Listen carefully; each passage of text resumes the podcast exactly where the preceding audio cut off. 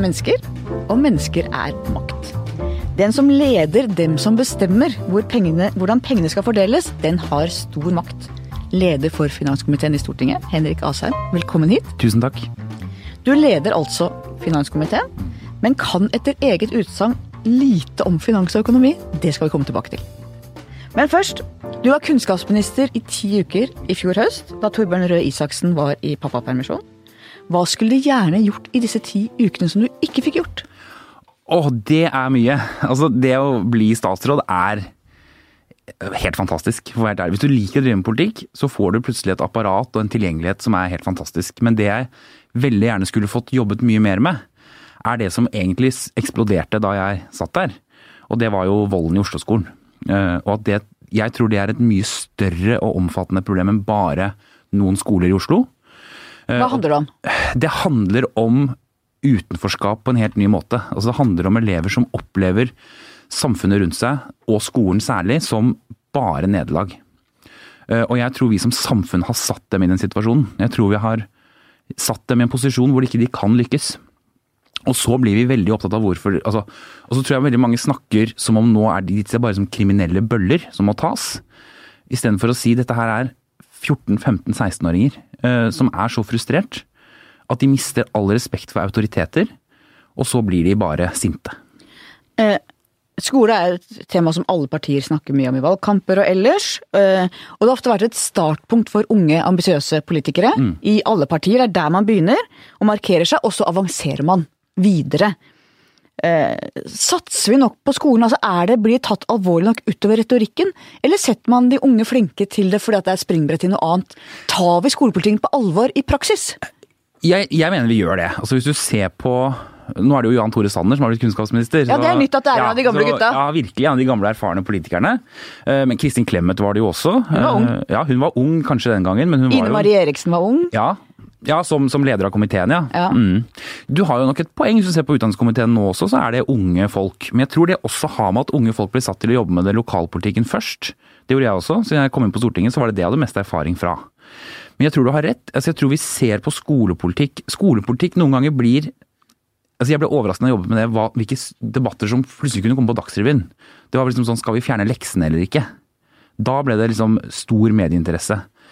Det er jo egentlig ikke en konfliktlinje i norsk skole i dag. Altså Det som egentlig skolen handler om, er jo å tilpasse den den virkeligheten som ungdom lever i i dag. Og jeg tror ikke vi er der. Og vi veit jo at skolen, norsk skole reproduserer sosiale forskjeller. Ja, og faktisk til en viss grad forsterker dem. Og forsterker dem. Det er jo Hvordan kan det skje? Det er jo krise. Ja, og det skjer i et land hvor vi, jeg tror vi egentlig er mest stolt av alt, er at sosial bakgrunn ikke skal ha noe å si. Eh, og så har vi laget et system hvor nettopp hvor lang utdanning moren og faren din har, har enorm innvirkning. Hvordan forklarer du det? Jeg forklarer det med to ting. Det ene er at jeg tror vi har hatt en likhetstankegang som har vært feil i den forstand at, og den, som jeg tror egentlig var riktig, men som blir vanskeligere når du får flere med ikke-vestlig bakgrunn. Eh, og når du ser at f.eks. som i Oslo, hvor du har store forskjeller på øst og vest. Nemlig ideen om at det mest rettferdige er å behandle ulike mennesker helt likt. Eh, og jeg tror vi har laget en skole, og dette er noe som frustrerer meg, som jeg har sagt til Unge Høyre. Jeg har gjort den samme feilen selv. Jeg har sagt det til Elevorganisasjonen, jeg har sagt det til alle. Alle disse organisasjonene som preger skoledebatten i Norge, preges av skoleflinke elever på studieforberedende. Og da får du debatter om skal vi ha lekser eller ikke. Eh, hvordan sånn, ikke sant. Fraværsgrense. De er mot fraværsgrense for at de må ha hele en ansvar for egen læring. Jeg sier av og til litt sånn slemt SV-skolen. Ansvar ja, for egen læring. Ja. Hvem tjener på det? Hvem taper på det? Det er ganske opplagt. Ja, og hvis man skal karikere det veldig, så er det skoleflink jente kan lære hvor som helst. Hun er interessert i å lære. Litt skoletrøtt gutt trenger eksterne motivasjonsfaktorer på en helt annen måte. Eh, og det tror jeg vi har hatt en, og kanskje skolepolitikere også, som har vært preget av å være flinke på skolen selv. Alle som sagt gått på studieforberedende, ingen har vært tatt i en hammer. Og så skal man diskutere politikk, og det gjør man jo, man diskuterer politikk ut fra den virkeligheten man kjenner selv. Og da lager man en skole for de skoleflinke, som kan ta ansvar for egen læring. Mm. Også hvis du ser på, jeg en lærer f.eks. matematikkfaget. Hvor eh, i gamle dager da jeg gikk på skolen, det er 100 år siden ca., ja. da var det jo tall. To pluss to er fire, mm. sju ganger åtte er 56. Mens mm. nå er det veldig mye tekstoppgaver. Jeg ser når jeg hjelper sønnen min med matte, masse tekstoppgaver, og hvis Kari gjør sånn og Per sånn, så må du plutselig ikke bare kunne tallene, men du må kunne reflektere rundt hva skjer, se det for deg. Det blir teksttungt også der. Mm. Eh, Og det tenker jeg, det, er, det tjener også de som er vant til å ha et stort begrepsapparat, som er vant til å diskutere hjemme, som har bøker i bokhylla. Ja, nettopp. Og, liksom, Derfor er jeg sånn skeptisk også til altså både de som er mot fraværsgrensen eller vil fjerne lekser og sånn. fordi det som skjer da, er jo at de som kommer hjem nettopp til disse to høyt utdanna foreldre, hvor en har gått ned i stilling, veldig ofte mor dessverre, men en har gått ned i stilling for å følge opp barna, de kravene kommer ikke til å forsvinne fra dem uansett. Men spørsmålet er skal vi følge opp og stille noen krav til de som ikke møter de kravene hjemme. Eh, Og det, så jeg mener at det er motsatt når mange påstår at eh, vi for eksempel, når vi stiller krav, så er det bra for de flinke, men dårlig for de svake. Jeg tror det er motsatt. Der er jeg litt uenig, eller der er jeg uenig. For jeg tenker nok at heldagsskolen, hvor du hadde alt pakka inn på skolen og hadde eh, både leksehjelpen også fikk gjort alt unna gjennom dagen og repetert og sånn der, det tror jeg hadde vært sosialt utjevnende.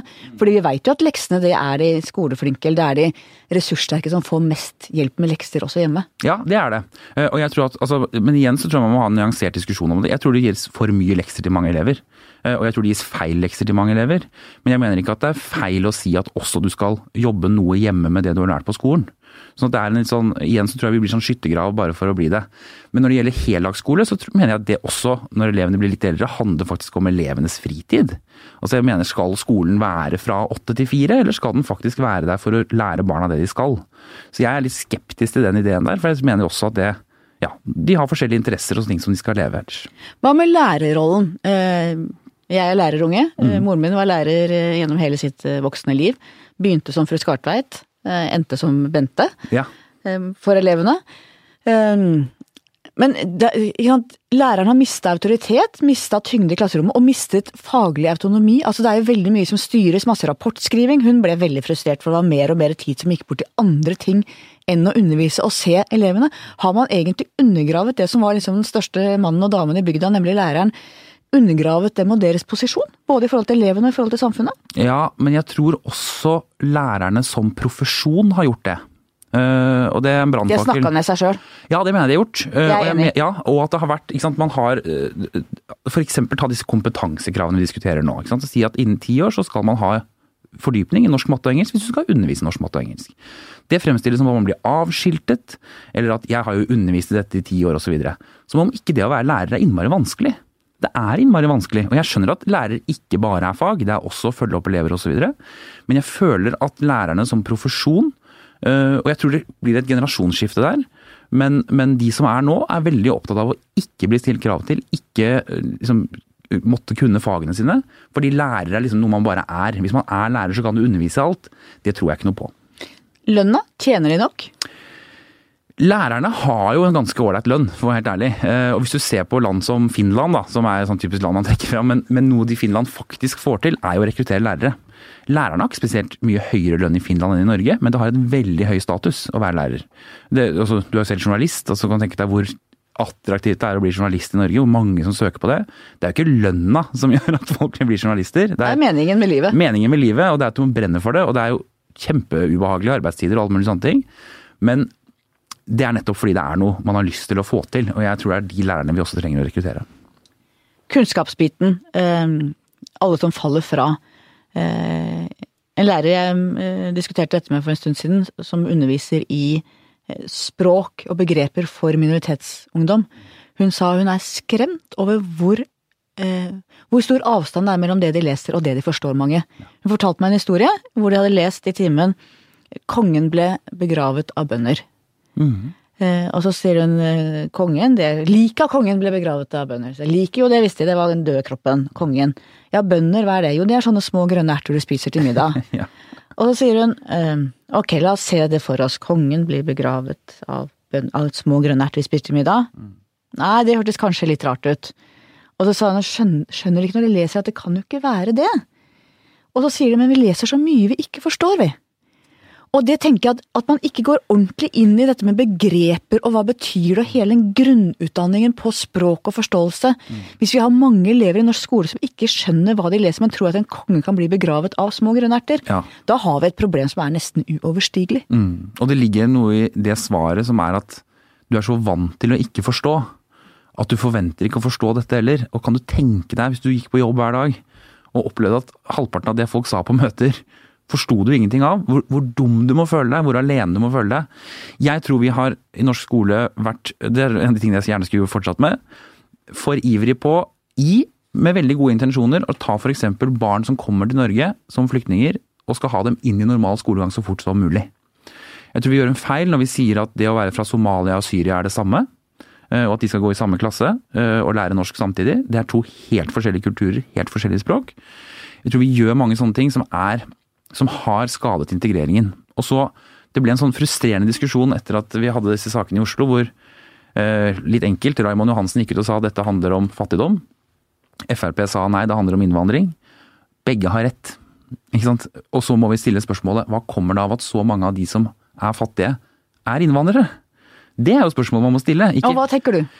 Det kommer nettopp av at vi ikke har sørget for at de som altså Jeg tror velferdsstaten vår i mye større grad må skyve ressursene inn på de som trenger det mest, framfor å gi litt til alle. Er du mot universelle ordninger da? Uh, nei, det er jeg ikke. For jeg tror det er ganske viktig for å opprettholde en stor velferdsstat som altså, jeg er for. Altså ordninger som gjelder alle? Ja, men når vi f.eks. nå snakker om nye store ressurser inne i skolen, så er jo noe av det som er dilemmaet når jeg krangler med Audun Lysbakken om dette, og han sier heldagsskole er mest rettferdig, så mener jeg at så er det ikke bare sånn jeg er mot det, men jeg mener at de ressursene brukes bedre ved å istedenfor å gi alle litt lengre dag, gi veldig mye bedre oppfølging til de som trenger det mest. For jeg tror ikke, altså det, Strekken i laget blir så stor nå at vi må faktisk fokusere på å løfte de som er nederst. Og det er veldig ofte barn som har foreldre for eksempel, som ikke snakker norsk. Da har du den delte, byen, Oslo. Hvor du har enkelte skoler hvor det er over 90% minoritetsspråklige. Andre skoler hvor det knapt er noen. Hva tenker du, Hvordan kan man løse dette? Ser du for deg bussing, andre skolegrenser? Er det noe man kan gjøre, eller skal man bare akseptere at sånn er det? Nei, man skal ikke akseptere det, men jeg tror samtidig sant, det f.eks. å busse elever Det er litt sånn vi må gjøre noe, her er noe. Eh, jeg tror Det er kosmetikk, da. Det får tallene til å se bedre ut, men jeg tror ikke du har løst det underliggende problemet. Og det er viktig å si at for veldig mange lokalsamfunn så er skolen, den lokale skolen en viktig del av samfunnet. Sånn at det å plutselig si at nå går ikke disse barna som bor sammen på samme skole, kan faktisk bryte opp lokalsamfunn også. Så hva skal vi gjøre? Jeg tror vi må Altså, og det, det, du har, på helt kort sikt så har du at du må gjøre noe med de som opplever utrygghet på skolen. Men på lang sikt så må du faktisk sørge for at den integreringen vi har, som på mange måter er viktig å si, er en stor suksess. Innvandrere i Norge har vært med på klassereisen akkurat som alle andre. Jeg har kollegaer på Stortinget nå som hvor foreldrene kom som flyktninger, og som nå sitter i parlamentet fra alle mulige partier. Men vi må sørge for altså Hele kjernen er utdanning.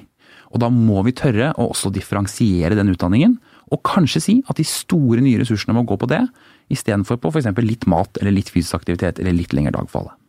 Og da har du fordelingen av ressurser i Oslo-skolen, som er en veldig krevende øvelse, fordi at man har sendt, eh, brukt veldig mye penger i Groruddalen og andre steder på satsinger. Og nå ser vi at det begynner å komme protester på vestkanten i Oslo hvor de føler at nå blir det strupet for mye. Ja. De finner balansepunkter hvor du både bevarer legitimiteten til systemet, at folk føler at dette er bra, de skal fortsatt ha tillit til offentlig skole, samtidig gjør som du sier, satse ressurser der det trengs. Mm. Det balansepunktet er ikke lett å finne. Det er kjempevanskelig. Eh, og det, jeg tror ikke det finnes noen god fasit på det heller. Men jeg tror vi må som samfunn innstille oss på at de som trenger det mest, må få mest. Og det betyr kanskje at bor du på Smestad og har to barn, så kanskje må de uh, ikke få så mye leksehjelp. Altså, for eksempel, en av tingene jeg ville gjort hvis jeg kunne bestemme helt selv, det er å fjerne leksehjelpsordningen. Og så ville jeg tatt de ressursene fordi vi vet hvem som bruker dem. Det er elever med høyt utdanna foreldre. Så ville jeg tatt de ressursene, og så ville jeg innført en måte å pålegge leksehjelp til de barna som trenger det mest. Det hadde vært, en, vært dønn upopulært, men fy søren så viktig det hadde vært. Så det kunne du gjort hvis du hadde fått sittet litt lenger? Jeg vet ikke om jeg hadde fått det gjennom i regjering, men, men det hadde vært veldig lurt. Så det burde Jan Tore Sanner vurdere å gjøre. Har vi svenske tilstander? Hvis du ser på gjengdannelser Jeg var på Stovner eh, politistasjon og snakket med han som er sjef for forebyggende for Stovner og Manglerud, som forteller om eh, økende vold. Som forteller om familier hvor det er store store barnerike familier i bitte små leiligheter. Veldig mange med innvandrerbakgrunn. Hvor foreldre ikke snakker norsk, særlig mor snakker ikke norsk. Eh, hvor det er en slags Han brukte ikke ordet gettofisering, men det er i hvert fall sosiale forhold i en del innvandrerfamilier som er veldig krevende. Mm. Er det svenske tilstander? Nei. Altså Det er det virkelig ikke. og Norsk integrering har fungert mye mye bedre enn Sverige. Jeg har jo hørt på podkasten din før en tingene som du mener at vi er så feige som ikke innfører mer boligskatt f.eks. Men tenk så viktig det har vært at man i Norge, i motsetning til Sverige, har en kultur for at folk eier boligen sin. Det er helt enig. Det, akkurat, det er helt enig. Ja. Det tror jeg er en veldig stor forskjell. Ja. For at du kommer med på den velstandsøkningen og har en billett, billett inn i boligmarkedet, og mm. bor ikke i leid blokk hvor ingen har ansvar. Nettopp. Og det gjelder også den pakistanske familien som kom på 70-tallet som eide den lille toromsleiligheten, og som nå har vært med på en prisvekst og en utvikling som gjør at de har penger som de svenske ikke har. Og jeg er enig, for jeg tror ja. ikke det er svenske tilstander heller, men jeg ser jo politifolk, eh, politimesteren i Oslo, eh, de som jobber med forebygging, som advarer mot at hvis ikke vi gjør de riktige tingene nå, så kan vi få noe i nærheten av det. Ja. Og det er ganske kritisk. Det er kjempekritisk. Og de er bekymra. Ja. Og noe av det som de sa da vi jobbet med dette, eh, var jo at dette er jo ofte miljøer utenfor skolene, men som kommer inn i skolene, eller som påvirker skolene. Eh, og elevene der. Og hvis du da, Det er den perfekte storm, for hvis du da legger oppå en elev som bare opplever frustrasjon, føler seg ikke inne i samfunnet, så kommer det noen som du føler deg hjemme hos, så blir det totalt kaos. Men, men jeg tror ikke vi har Altså, Vi har ikke svenske tilstander, men gjengdannelsen er tilbake. Jeg husker jeg vokste opp på slutten av 90-tallet. Da var det også gjenger på en helt annen måte. Eh, så at den er tilbake, det må man eh, knuse. Du sa da du var Unge Høyre-leder at det er vår moralske plikt å ha en liberal innvandringspolitikk. Mm. Mener du det fortsatt? Ja, jeg gjør faktisk det. Men jeg, nok jeg, er nok ikke så liberal som jeg var den gangen. For den gangen mente jeg jo at prinsipielt var jeg for fri innvandring. Men jeg ser jo at kombinasjonen av høy innvandring og de velferdsordningene vi har, simpelthen ikke går opp. Um, og derfor så tror jeg at når vi nå skal Men, men jeg, men, altså, jeg, får meg ikke til å mene, her jeg sitter med flosshatt og sigar i verdens rikeste land på toppen av Europa, og si at ikke vi har et ansvar også for å ta imot de som er på flukt. Men det er 50 millioner mennesker på flukt. Uh, og vi kan ikke ta imot alle dem, og derfor så må vi diskutere hvordan vi skal hjelpe. Og jeg mener at noe av det fineste med Norge, nettopp denne velferdsstaten vi har, tåler ikke at vi tar imot for mange innvandrere. Så det er, uh, det er lettere å være nyansert når du er 34 enn 24, men det, så streng, rettferdig og human, er det ja, så er det diskusjon om man skal ha human, og hva er humant osv. Jeg kunne godt lagt på human, for å være helt ærlig. Jeg tror nok jeg er mer liberal på innvandring enn mange av oss med eget par. Ja, det er ikke så vanskelig. men, men, men, kanskje også en, en, del i mitt eget parti. Men hva tenker du om aksen mellom Høyre og Arbeiderpartiet som alltid har vært der, som jeg eh, syns er en veldig bra ting i at man har en streng og rettferdig, og jeg vil også si at man også har hatt en human og har en human innvandringspolitikk. Mm. Jeg mener, eh, og dette er ikke som polemikk mot Arbeiderpartiet, men jeg mener at partiet er litt i drift nå. Altså, Jeg tror Arbeiderpartiet alltid har hatt en opposisjon, eller det vet vi jo, som har vært mer liberal på innvandring. Jens Stoltenbergs kunst i alle sine år som partileder var å holde dem i mindretall. Eh, og jeg husker han, En av de tingene som var sånn utrolig interessant, var Maria Amelie-saken hvor alle pressen Jeg var ute selv, jeg var unge på den tiden og mente at det var helt hårreisende. Man må, kaste, man må ikke kaste ut folk som er så flinke og sånn. VG var faktisk den eneste som hadde en leder ja, var det det? som jeg skrev, ja, som var mye mer nyansert. Nettopp. Og det var Jens Stoltenberg snudde den debatten i løpet av to minutter på TV. Hvor han sa hvis man er for grensestolper, og jeg kjenner ingen som ikke er for det, så vil noen alltid være på utsida av den grensestolpen. Ferdig. Og det var et statsmannsaktig og riktig svar. Men det som jeg føler nå, er at Arbeiderpartiet er litt sånn i drift på altså De ser ikke på dette som nettopp den viktige aksen i norsk politikk, men som strategi. Eh, og da blir det noe annet. Fordi jeg tror det er en veldig kunst at Høyre og Arbeiderpartiet tross alt har funnet sammen. Det har vært kjempeviktig. Det har vært veldig, veldig ja, viktig. det har det. Eh, og også når vi har vært i opposisjon, så har vi funnet sammen på disse tingene her. Og jeg tror det har holdt roen i innvandringsdebatten. Og så mener jeg at Frp har vært en viktig kraft. Eh, særlig kanskje de siste 10-15 åra på å flytte den debatten i en faktisk sunnere retning. Og Oktoberbarna, den saken, de såkalte Oktoberbarna, hva tenker du om det? Det også er en sånn Altså, jeg syns Er de barn? Nei. Ja, det er det ikke, eh, rett og slett. Og det er, et, altså det er, en måte å bruke retorikk på som er ganske smart. Men jeg har fått lov til å Jeg har møtt en av dem uh, i valgkampen, og det er klart at du kan uh, dette er, Innvandring er så utrolig kjipt, fordi det er helt avgjørende og mest rettferdig å være bastant og tydelig på dette. Det gjelder alle. Det har ikke noe å si hvor mange medieoppslag du får. Du, de samme reglene gjelder for deg som alle andre. Men når du sitter ansikt til ansikt med en gutt som var da 17 år gammel, fra Afghanistan, faren var taxisjåfør, ble drept av en bilbombe, da var reglene sånn at han som eldste sønn i familien var overhodet i familien. Da gikk han til Norge. Og han er i Norge og går på skole og alle sånne ting. Men han er et oktoberbarn. Og det Problemet er at hvis vi skal begynne å bøye av for noen sånne, så vil jo alle få beskjed om å gå fra Afghanistan til Norge. Så du må være på en måte liksom kald og kjip, men det er det mest rettferdige, og det hjelper faktisk flest mennesker. Sa du det til han? Ja. Hvordan var den, det møtet? Jeg tror han øh, hadde hørt det før. Uh, og jeg tror han og Det er nesten det verste. Hadde han blitt rasende og urimelig, så hadde det vært mye lettere. Men han sa liksom 'jeg skjønner det, men min jobb som overhode i familien er å gjøre det beste for Alt jeg ønsker nå er å få lov å bli. Så, så mm, det er utrolig vanskelig, men det er nødvendig å være så streng. Er det behov for et nytt internasjonalt system rundt asyl- og flyktningpolitikken? Jf. Eh, UDI-direktør Frode Forfangs utspill om dette for et par år siden. Ja, jeg syns det er veldig interessant. Og jeg syns det har blitt veldig godt illustrert den siste tiden. Eh, nettopp med den flyktningtilstrømmingen vi fikk fra Syria. Nettopp, vi, har ikke, vi har ikke system på dette. Vi var i Brussel i forrige uke med, med finanskomiteen, og der altså er dette en svær diskusjon. Og se på de kreftene som nå vokser fram i Europa. Da. Altså, se på de modige Altså, Polen og Ungarn er nå Det er vanskelig å ikke si at de er fascistiske land. Uh, og dette, dette, kommer til å bryte sammen, pluss at du setter veldig mange liv i fare hvis du sier at nå er det førstemann til mølla til å komme seg over flest mulig grenser. Så, så, jeg tror det absolutt er noe som en gang i tiden bare Carl I. Hagen mente, men som nå er ganske klokt. Dette er jeg helt enig i. Mm. Som leder i finanskomiteen, da. Hva tenker du om velferdsstatens bærekraft i møte med innvandringen? Brochmann-melding, hele gjennomgangen vi har hatt der. Vi er i Norge altså jeg, jeg, tror det henger veldig tett sammen. Helt, helt, åpenbart. Og det er ikke noe tvil om at for høy innvandring utfordrer velferdsstaten vår. Det utfordrer i hvert fall måten vi innretter den på. Men, men jeg mener også at Norge er ikke flinke nok til å integrere mennesker. Og det har ikke noe å si nesten om du er innvandrer eller om du er en fyr, og veldig ofte en fyr, som droppa ut av videregående gikk rett over på støtteordninger, sitter i kjellerstua, ikke er i jobb. Vi klarer ikke å få disse menneskene tilbake inn. Eh, og mange av dem blir sinte eller helt passive. Sånn at for at velferdsstaten skal bære, så er det Det er jo en kjent frase, men det er sant. Det er ikke oljepengene først og fremst, men det er at folk så, Jeg koser meg med det. Det er sånn du blir når du blir finanspolitiker. Når jeg tar T-banen til jobb, så sitter jeg og ser på den stappfulle T-banen. tenker jeg dette er bærekraften i velferdsstaten. Her er nasjonalformuen vår. Yes, det er det, altså.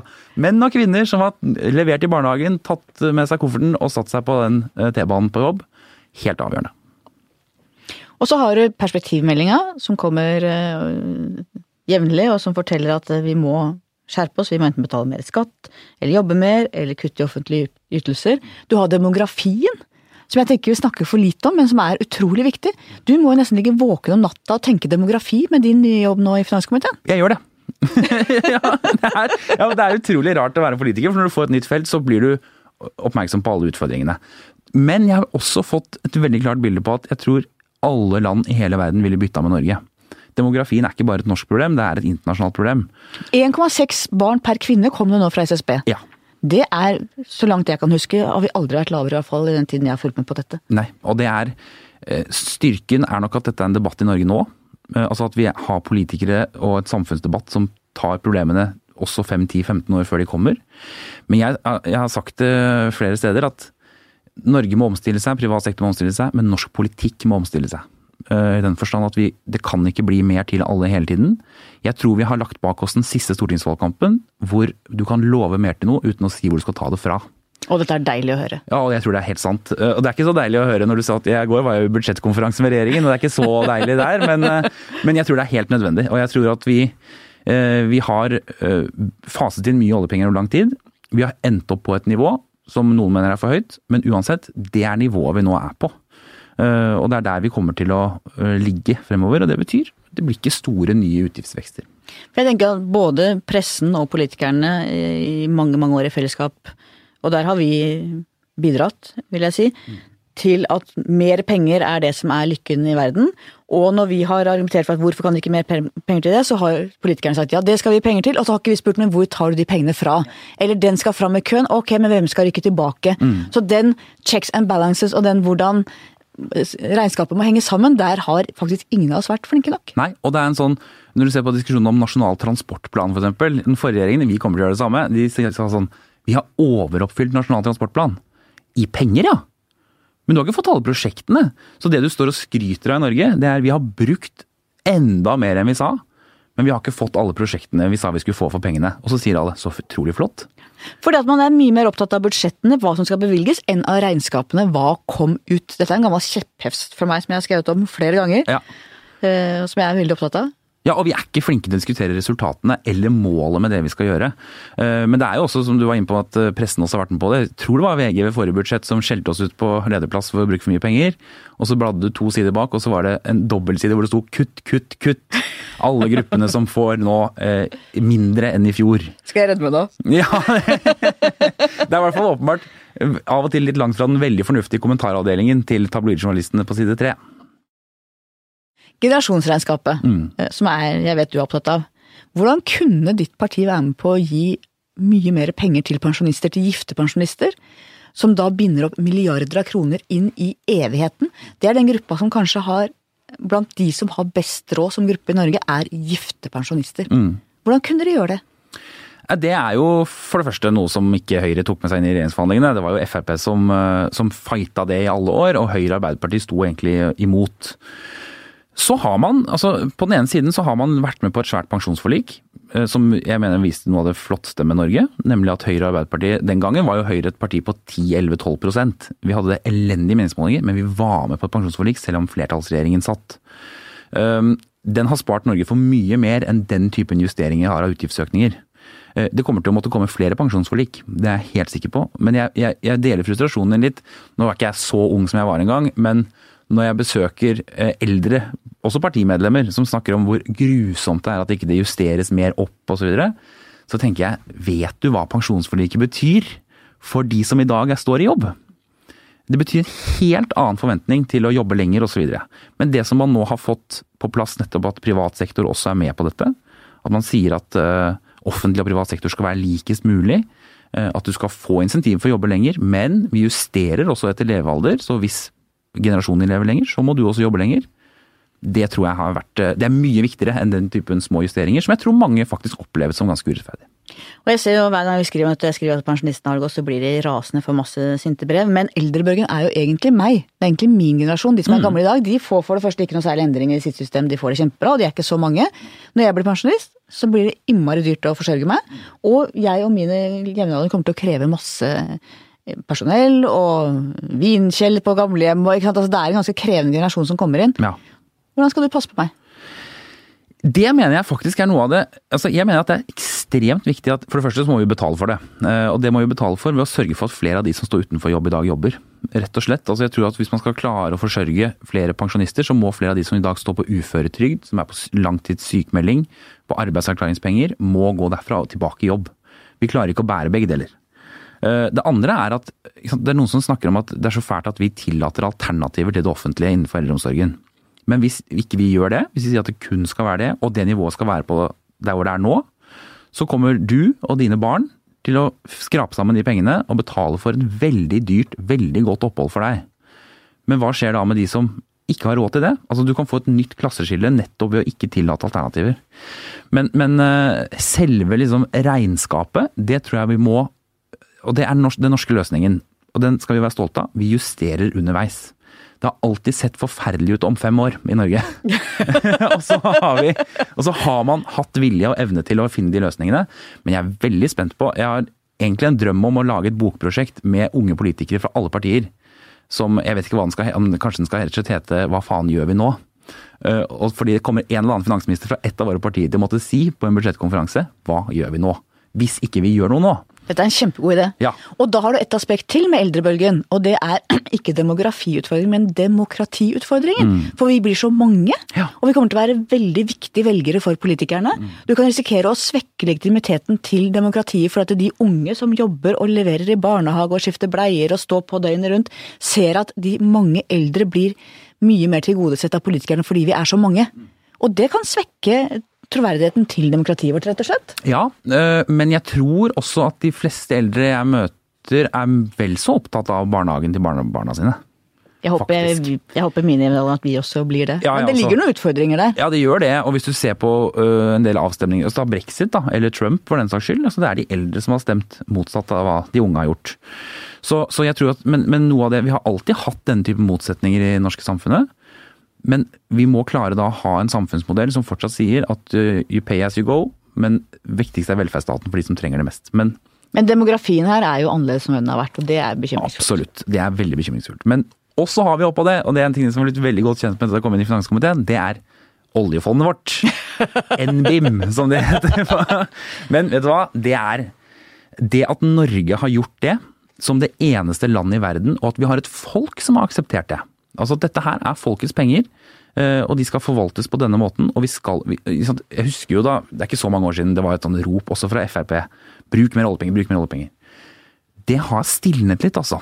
Eh, og jeg tror noe av det som kommer til å stå igjen etter Jens Stoltenberg og så Erna Solberg, det er at de tok henholdsvis SV og Frp inn i regjering og satte dem i Finansdepartementet. Ansvarliggjorde dem? Ja, det tror jeg har gjort veldig mye for det langsiktige generasjonsregnskapet i Norge. Det tror jeg du har rett i. Eh, la oss snakke mer om økonomi og finans. Du har sagt at du ikke kan mye om økonomi, at finans er, sitat, noe du virkelig ikke kan noe om, sitat slutt. Er det forsvarlig å ta på seg en sånn jobb da? det kommer til å vise seg. Nå ble jeg litt bekymra, kjente jeg. Ja, nei, nei, ja, jeg mener at det er det. Fordi ja, øh, altså Det er alltid mange som sier sånn politikere kan ingenting. Nei, politikernes jobb er ikke å være eksperter på det man jobber med. Politikernes jobb er å ta de politiske avveiningene på vegne av folket som har valgt dem. Og da kan jeg fortelle, jeg hadde jo Gro i podkast, mm. hvor hun fortalte at Trygve Bratteli, da hun ble bedt om å gå inn som statsråd, så tenkte hun Ah, som helseminister? Ja. Eh, for hun var jo lege. Nettopp. Men da sa Bratteli at nei, du skal bli miljøvernminister, for jeg ønsker ikke at mine fagstatsråder skal være fagfolk innenfor det departementet. Nettopp. Og det er jo langs de linjene du sier her, da. Ja, og jeg tror det er kjempeviktig. Nettopp at vi ikke har et teknokrati, men at vi har folk som da har jobbet med noe annet, eller gjort noe annet, eller ikke kan så mye om det. For da tror jeg du også må stille de spørsmålene som en del økonomer f.eks. ikke stiller til hverandre. Uh, og så er det en fordel med å si et intervju at man ikke kan noe om det, det er at du får en drøss av henvendelser av folk som er veldig villige til å fortelle deg det. Så det er jo luksus. Jeg, det er nesten som å studere på nytt, fordi jeg får jo nå tilgang til altså, verdens flinkeste folk som forteller hvordan ting henger sammen. Og hva tenker du om trepartssamarbeidet? Det er kanskje det viktigste vi har. Helt uh, virkelig. Altså, hvis du ser på hva norsk fagbevegelse har stått opp for, og betydd for den norske modellen og for norsk økonomi. Altså, du skal ikke reise langt altså, for å besøke land hvor det er helt utenkelig. Du skal faktisk ringe til Danmark. For at du har lockout av lærere og fullt bråk. Det betyr helt enormt mye. Og det å beholde det, det tror jeg er kjempeviktig. Men i LO er de nå ganske sinte for de føler at regjeringa har rokka av en del grunnleggende ting. Eh, Yngve Haagensen sier jo at han er overraska over hvor lite bråk LO i dag egentlig lager. Mm. Han er forbanna, på godt Yngve Haagensen-vis. Ja. Ja, og Yngve Haagensen vet jo litt om det. altså Hvis du tenker på hva Gro gjorde da på 90-tallet, 90 det betydde enormt mye, men det var jammen ikke alt veldig populært på ei heller venstresiden eller fagbevegelsen. Men det at man har hatt en respekt for hverandre, og at man har tatt hensyn til fagbevegelsen er veldig viktig. Og jeg mener jo heller ikke at dette er en regjering som har gått liksom i klinsj med fagbevegelsen. Ja, du har hatt noen endringer i arbeidsmiljøloven f.eks., men det har vært, og det mener jeg virkelig, en justering av et regelverk som har vært mer rasjonelt, rett og slett. Um, og jeg opplever helt oppriktig at fagbevegelsen er utrolig ansvarlig, og det samme er arbeidsgiversiden vår. Uh, og da er det statens oppgave å nettopp sørge for at de partene kan jobbe sånn. Men det er en utfordring, og det er at noen ganger når vi skal løse problemer og sier at dette må partene finne ut av, så har de partene én ting de veldig fort blir enige om og det er regningen. Og den regningen går til staten. Sykelønnsordningen for eksempel vil de ikke røre, selv om det er veldig gode argumenter for å gjøre noe med det. Ikke sant? Og, ingen, og det er en terrorbalanse, fordi eh, man vil heller ikke justere innenfor hvor mye skal arbeidsgiver og arbeidstaker akseptere, som gjør at fagbevegelsen er ikke med på at arbeidsgiversiden skal ta mer av regningen, fordi det kan rokke ved hele sykelønnsordningen, som i dag betales av staten. Og dermed egentlig skattebetalerne. Det er lett å være raus på andres penger. Det er så lett. Men eh, det går jo ned fagforeningsandelen. Altså mm. det er færre som organiserer seg. Mm. Det tenker jeg det er grunn til å bekymre seg for. Ja, jeg ble veldig bekymret over hvor lite bekymret LO-lederen var over det. Eh, for jeg hørte han på Politisk kvarter hvor han sa at eh, ja, ja, men det er fortsatt liksom Det, er, det har aldri vært flere mennesker organisert sånn. Ja, Det er ikke godt nok. Og jeg tror at fagbevegelsens svar på dette, som bare er litt mer skattefradrag på fagforeningskontingenten, er et galt svar. Jeg tror ikke de svarer på mange av de utfordringene som mange arbeidstakere i dag opplever.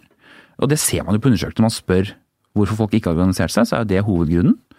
Eh, og det andre er, eh, vil jeg si som høyremann, da, men jeg tror at noe av bindingene mellom LO og Arbeiderpartiet som parti Og det er ikke fordi de egentlig vil stemme Høyre, men noen stemmer SV, noen stemmer Rødt, noen stemmer Senterpartiet, eller Høyre for den saks skyld. At de bindingene kan gjøre at terskelen for å melde seg inn i LO kan oppleves litt som å melde seg inn i Arbeiderpartiet, og det tror jeg de skal være i hvert fall vare på, da. Også en av mine kjepphester skatt. Mm -hmm. Hvor eh, jeg mener at alle partier har vært Du har mer skatt, du. Ja. ja. Nei, jeg syns det er helt fint å betale skatt, jeg. Det, står jeg fram og tilstår. Ja. Eh, Men jeg tenker jo at eh, egentlig er jo i hvert fall sentrale folk i Høyre og Arbeiderpartiet enige om at man bør gjøre noe med formuesskatten, man må redusere den, men så bør man samtidig gjøre noe med boligskatten og eiendomsskatten, for det er man tenker man at de to tingene henger sammen, og det er veldig rart å ikke skattlegge fast eiendom mer. Skatt, fast eiendom flytter ikke, det blir i landet, det er en ganske rettferdig måte å gjøre det på. Så den feigheten hvor det er blitt så mye symbolpolitikk rundt skattepolitikken, det bør jo du som leder i finanskomiteen være bekymra for. Ja, altså Jeg er jo litt det. eh, Men, men jeg mener samtidig at altså For det første mener jeg ikke løsningen er å øke skattene. For jeg mener at det vil være litt den samme feilen som å bare gå i oljefondet.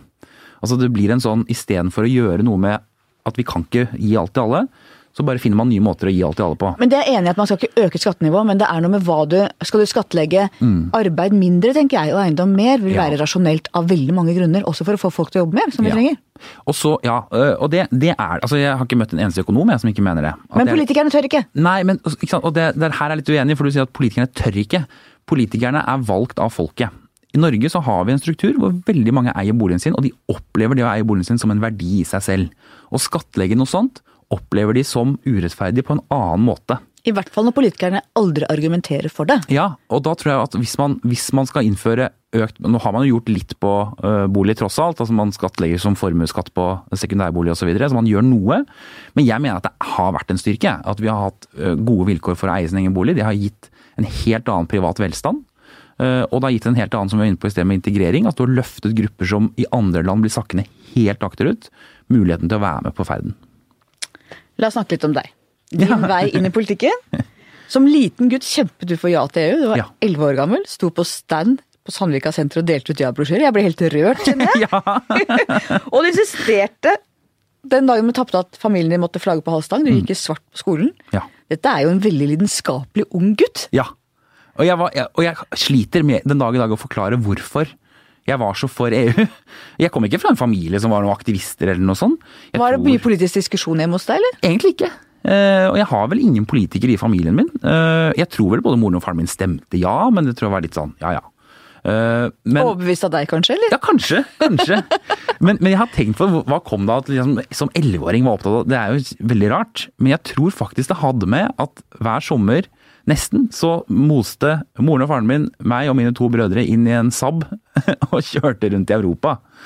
Og så så jeg på TV hvordan man snakket om Europa. Og så hørtes det bare så helt absurd ut. Eh, Og jeg er jo fortsatt, det er vel oss to og to andre som fortsatt er veldig for at Norge burde melde seg inn i EU. Jeg er, altså jeg, jeg er, jeg er mer for det nå, jeg, enn jeg ville vært i 1994. Jeg skulle også veldig gjerne sett oss inn, altså. Ja, og det er, altså, hvis det er noe verden trenger nå, så er det at flere finner ut av det. Og du kan eh, riste på huet, vært i Europaparlamentet og fulgt debatten og sånn.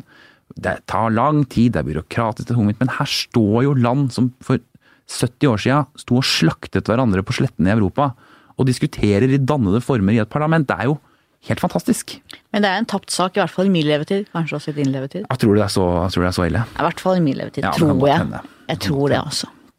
Altså, jeg tror det er en sånn greie som plutselig Sist det var ja-flertall i Norge. For det er mange på ja-sida som sier sånn ja, Vi blir med i EU når det blir krise i Norge, sier de. Altså Norge må gå dårlig, da går det bra med EU-saken. Sist det var ja-flertall i Norge, var 2004, da EU utvidet seg. Altså jeg tror det er vel så viktig for ja-sida at det går bra med EU. Som at det skal gå dårlig med Norge. Det er veldig rart å ønske det skal gå dårlig med Norge. Så, så, men, men jeg har trua tross alt da. Jeg tror vi kommer til å oppleve det begge to. Jeg håper du har rett. Mm. La oss håpe det. Da får vi stå på stand sammen på Sandvika Storsenter. Jeg kan bare skrive lederartikler i VG. Ja, det kan du. Ja. Det er vel så viktig, kanskje. Ja, for jeg kan jo ikke delta i sånne aksjoner. Nei, nei, du kan bare aksjonere i avisa. Ja. Du vokste opp i et tradisjonelt ganske borgerlig hjem. Mm. Fortell om oppveksten din. Typisk sånn uh, suburbs-oppvekst i Bærum, i et blokk vatnehus. uh, to eldre brødre. uh, mor og far. golden retriever. det var liksom Ja, det var relativt trygt, kan du si. Kunne sykle på gata hvor du ville og gå til skolen hver dag også. Og du har sagt at du var et litt vanskelig barn, nesten litt ondt barn, har du sagt i Ja. intervju. Moren min da holdt tale til meg da jeg ble konfirmert. uh, Da var jeg jo da 14 år gammel, og da sa hun tusen takk for ti veldig hyggelige år. Og det er fordi de første fire var ikke noe hyggelig i det hele tatt. Eh, Først så tror jeg bare gråt i halvannet år. Og så havnet jeg i en sånn veldig langvarig trassalder, visstnok, som var helt eh, Jeg kan fortsatt kjenne den følelsen. Den følelsen av å være veldig sint, og så vet du ikke hvorfor du er sint, og da blir du egentlig bare enda sintere. Forferdelig slitsomt. Og du, det gjorde inntrykk på meg, du gjemte deg for moren din på kjøpesenteret, som hun skulle tro var borte. Jeg Mm. Ja. har jo opplevd av og til å miste barn på kjøpesenteret, og den panikken da, Ja. det er bare helt forferdelig. Hvordan kunne du gjøre dette? Nei, hvordan kan du gjøre noe sånt? Det er helt, det er helt umulig å forklare. Men løsningen min ble at jeg begynte i barnehage. Barnehage er bra, vet du. Barnehage er bra, vet du. Det er så bra, det. Moren din var hjemmeværende, kakao og nybakt brød og Ja. Beskriv henne, hva slags type er hun? Hun er eh, først og fremst veldig morsom. Hun er altså, sånn oppriktig morsom. Eh, og hun har sagt til meg en gang, jeg har jo ikke funnet meg noe kjæreste ennå, så hun har sagt at husk på det Henrik, det er viktigere å være morsom enn å være snill. og det er på en måte Det er jo selvfølgelig ikke det, men hun har litt rett. ikke sant? Det å være snill, det må man kunne forvente. Men det å være morsom, det er ganske viktig. Men hun er eh, Hun har vel vært, eh, og alltid vært, en sånn raus mor som har alltid gått foran barna sine. Alltid forsvart barna sine. Eh, og en utrolig sånn tolerant mor. Som, eh, som har tolerert Jeg kom med røykemelding da jeg var 14 år fra ungdomsskolen. Og da måtte jeg jo få den signert, da. Så sa mamma at ja, det må ikke gjøre det sånn, og så må du passe på å gjemme deg litt bedre. Det er mor, det! ja, det er mor. Men da hadde jeg to eldre brødre som hadde brøyta vei, da, for å si det sånn. Og faren din, fortell om han. Han var jo også en sånn far som eh, Jeg kan aldri huske at han hevet stemmen. Men han hadde jo autoritet. altså Han var jo en veldig sånn tydelig farsfigur. Hva drev han med? Han drev et lite firma for seg selv, eh, som hadde agentur på gardinstoff. Så han kjørte rundt da i den samme Saben da, og rundt på Vestlandet og solgte gardinruller til folk, rett og slett. Eh, Så det var det han, eh, i hvert fall de ja, siste ti årene han levde. Og så var du 15 år Mm. da han døde av kreft. Mm. Hvordan opplevde du det? Det var et mareritt. Det var eh, det, det er på en måte Jeg tror alle kan gå og tenke at liksom noe av det verste man kan se for seg kan skje, plutselig skjer. Og Jeg husker jeg kom hjem fra skolen eh, ja, elleve måneder før han døde, da, den dagen han ble syk. Og Det var, sånn, det var en sånn februar, en tirsdag i februar. Det var sånn typisk sånn hvor det begynner å bli vår, selv om det ikke uh, er det helt ennå. Det drypper fra takene. Kjempesol. Og så øh, er ikke mamma hjemme, og det er litt rart, fordi hun er hjemmeværende. Og så ringer telefonen, og ringer moren min fra Bærum sykehus og sier at pappa har uh, fått hjernesvulst og ligger i koma. Og det, det rare med det, ikke sant, den derre tirsdagen i februar som begynner å lysne, forandrer seg helt. Altså Hele dagen forandrer seg, alt forandrer seg rundt deg. Um, og så var det jo elleve måneder med to operasjoner, strålebehandling, full pakke. Men hvor vi visste egentlig ganske tidlig at dette kom ikke til å gå uansett. Snakket dere om det? Ja. Eh, Jeg vet at pappa snakket mye med mamma om det. Eh, Og mamma sa vel til han en gang at eh, hva skal vi gjøre når du er borte, hvordan skal vi klare oss da, liksom? Og så sier han at det kommer til å gå helt fint, men det tristeste for meg er at jeg kommer aldri til å møte barnebarna mine.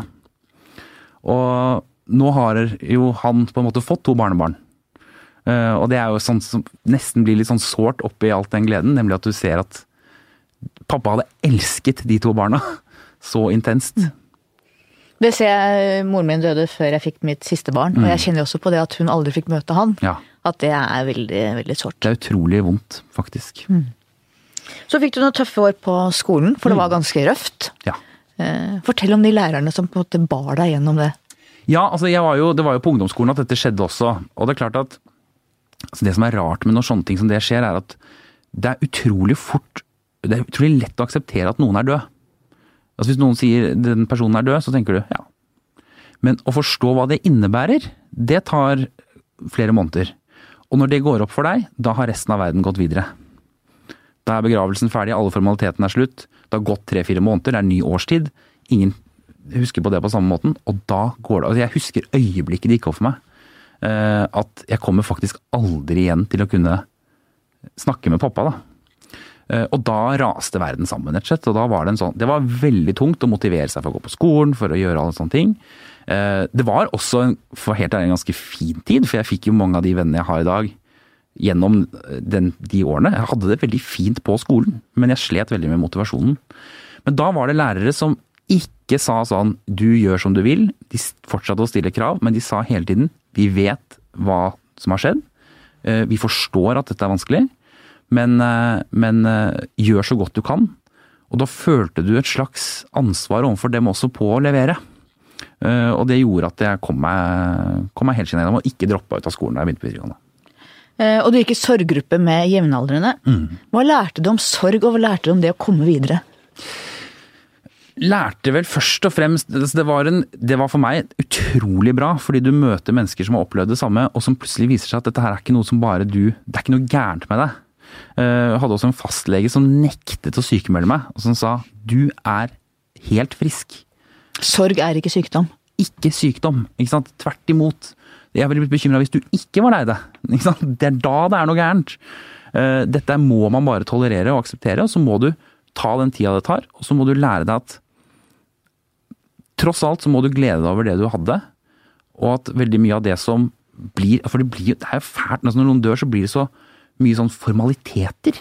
Altså bare lukten av blomster. Sånn derre hjemme hvor det var ufattelig mye blomster. Altså alt sånt blir så viktig, og så når alt det forsvinner, så står du igjen med egentlig bare sånn savn, da. Og hvordan har det preget deg videre i livet, tenker du, at du mista faren din så tidlig? Jeg tror det har preget meg først og fremst ved at jeg går ikke rundt og er så veldig bekymret. Fordi det som jeg har lært at man skal være bekymra for, er ikke hva skjer med karrieren min om fem år? Eller hva skjer med hvor skal jeg bo? Eller hvor skal jeg, hva skal jeg studere? Det er de tingene som treffer deg midt i bakhuet en tirsdag i februar i 1998 du skal være bekymra for. Men det kan du ikke gjøre noe med. Altså det, det opplever de fleste av oss på et eller annet tidspunkt, at du får den sjokkbeskjeden. Og det kan du ikke gjøre noe med, så da må du leve livet ditt til det fulle så lenge du kan. Livet er nå. Livet er definitivt nå, og jeg har én filosofi, og det er at jeg skal gjøre det jeg syns er gøy. Så lenge jeg kan. Godt sagt. Og du har så langt vært politiker hele livet, hatt noen småjobber på SFO og butikk og sånn, men ja. eh, hvordan har politikken utvikla seg siden du ble aktiv? Veldig mye, må jeg si. Altså, jeg ble aktiv i 2001.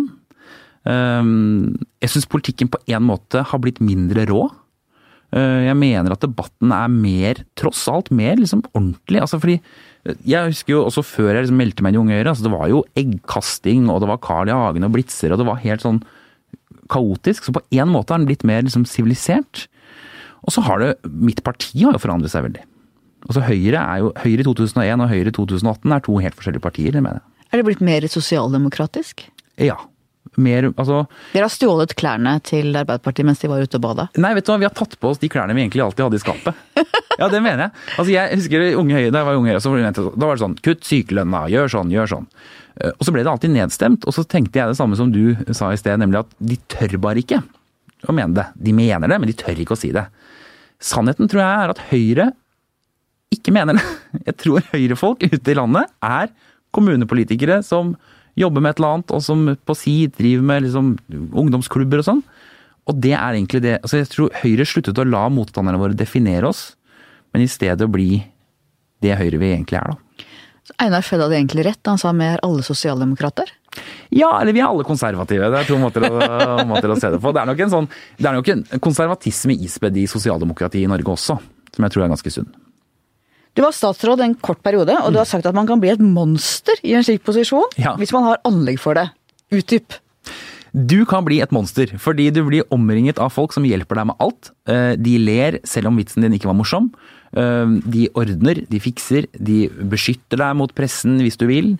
Eh, Jeg tror du kan, hvis du blir vant til det der, så tror jeg du kan bli et monster. Jeg tror du kan bli veldig selvopptatt. Eh, Jeg rakk ikke å bli det, men Kunne Kunne ha blitt det? Ja, ja, det er jeg redd for, i hvert fall. Hvis jeg hadde vært fire eller åtte år statsråd, da er jeg redd for at jeg hadde blitt en forferdelig dårlig venn, altså. Ser du noen monstre rundt deg? Nei, vet du hva? Det er overraskende få monstre. Det nærmeste er Torbjørn Røe Isaksen, men han er jo ikke et monster. Han er bare han er dønn avhengig av et embetsverk som fikser og ordner ting, for han glemmer ting overalt. Men, eh, men noe monster er han ikke. Politikerrollen, er den blitt for strigla? Er rammene for stramme for um, Kan man være seg selv? Mm, jeg tror du har rett i at den er blitt for strigla. Uh, altså jeg Jeg elsker når politikere, jeg er ikke flink til det selv, bare sier ting som er helt sånn. Altså Per Olav Lundteigen da, eller Martin Kolberg og sånne ting som det, som, som åpenbart sier det de mener og føler fullt og helt. Uh, og jeg kjenner godt hvordan partikultur er. Det er noe vi hater, er når det skjer. For du mister på en måte kontrollen. Føler du deg forbundet? Skulle ønske at du var litt friere? Ja, jeg, jeg føler meg ikke så For jeg, jeg mener helt oppriktig at vi har en partikultur i Høyre som er ganske raus på å tillate forskjellige standpunkter utad. Men jeg hater meg selv hver gang jeg ikke sier det jeg egentlig mener. Fordi jeg føler at ja, men tenk om noen blir sure på meg.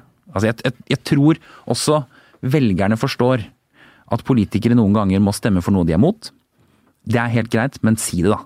Altså hvis vi, når vi, Høyre var mot KRLE eh, fram til valget i 2013, og så forhandlet KrF det inn, og så ble vi for KRLE. Men vi kan godt si det som det er, at det var en pakke som ble forhandla. Istedenfor å plutselig være veldig for KRLE. For det er det ingen som tror på. Nei. Hva ser du som viktige norske verdier? Jeg tror eh, først og fremst så er det toleranse, og så er det likhet. Altså faktisk det at vi sier at i Norge skal vi ha like muligheter uansett hvor du kommer fra. Eh, og at vi er tolerante på at altså, kombinasjonen av alle skal ha like muligheter, men vi tolererer resultatene eller de valgene du tar, tror jeg er kjempeviktig. Og det er helt, ganske unikt i verdenssammenheng at vi klarer å kombinere de to. Og religionens plass i det norske samfunnet, hvordan ser du det?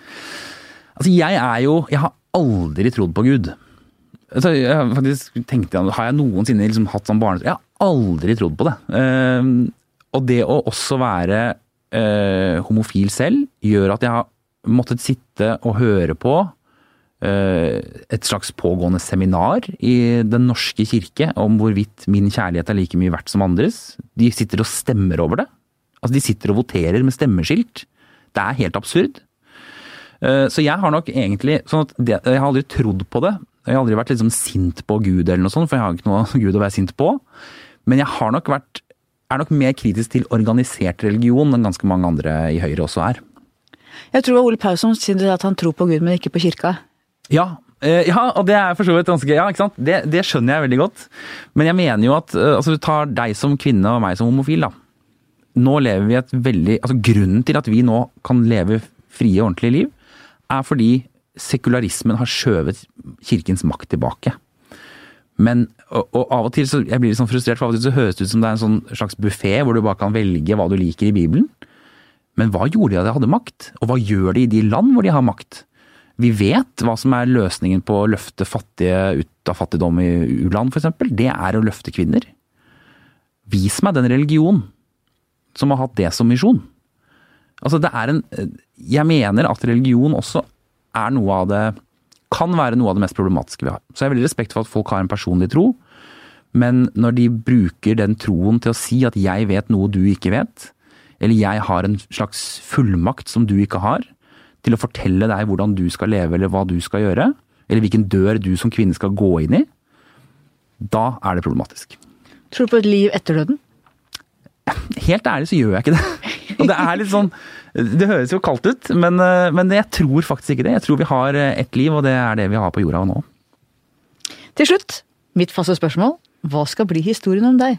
Henrik Asheim, det var han som Alltid gjorde det jeg hadde lyst til.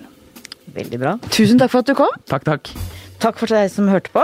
Takk til researcher Grete Ruud og til vår faste produsent Magne Antonsen. Vi høres igjen om en uke, eller kanskje to.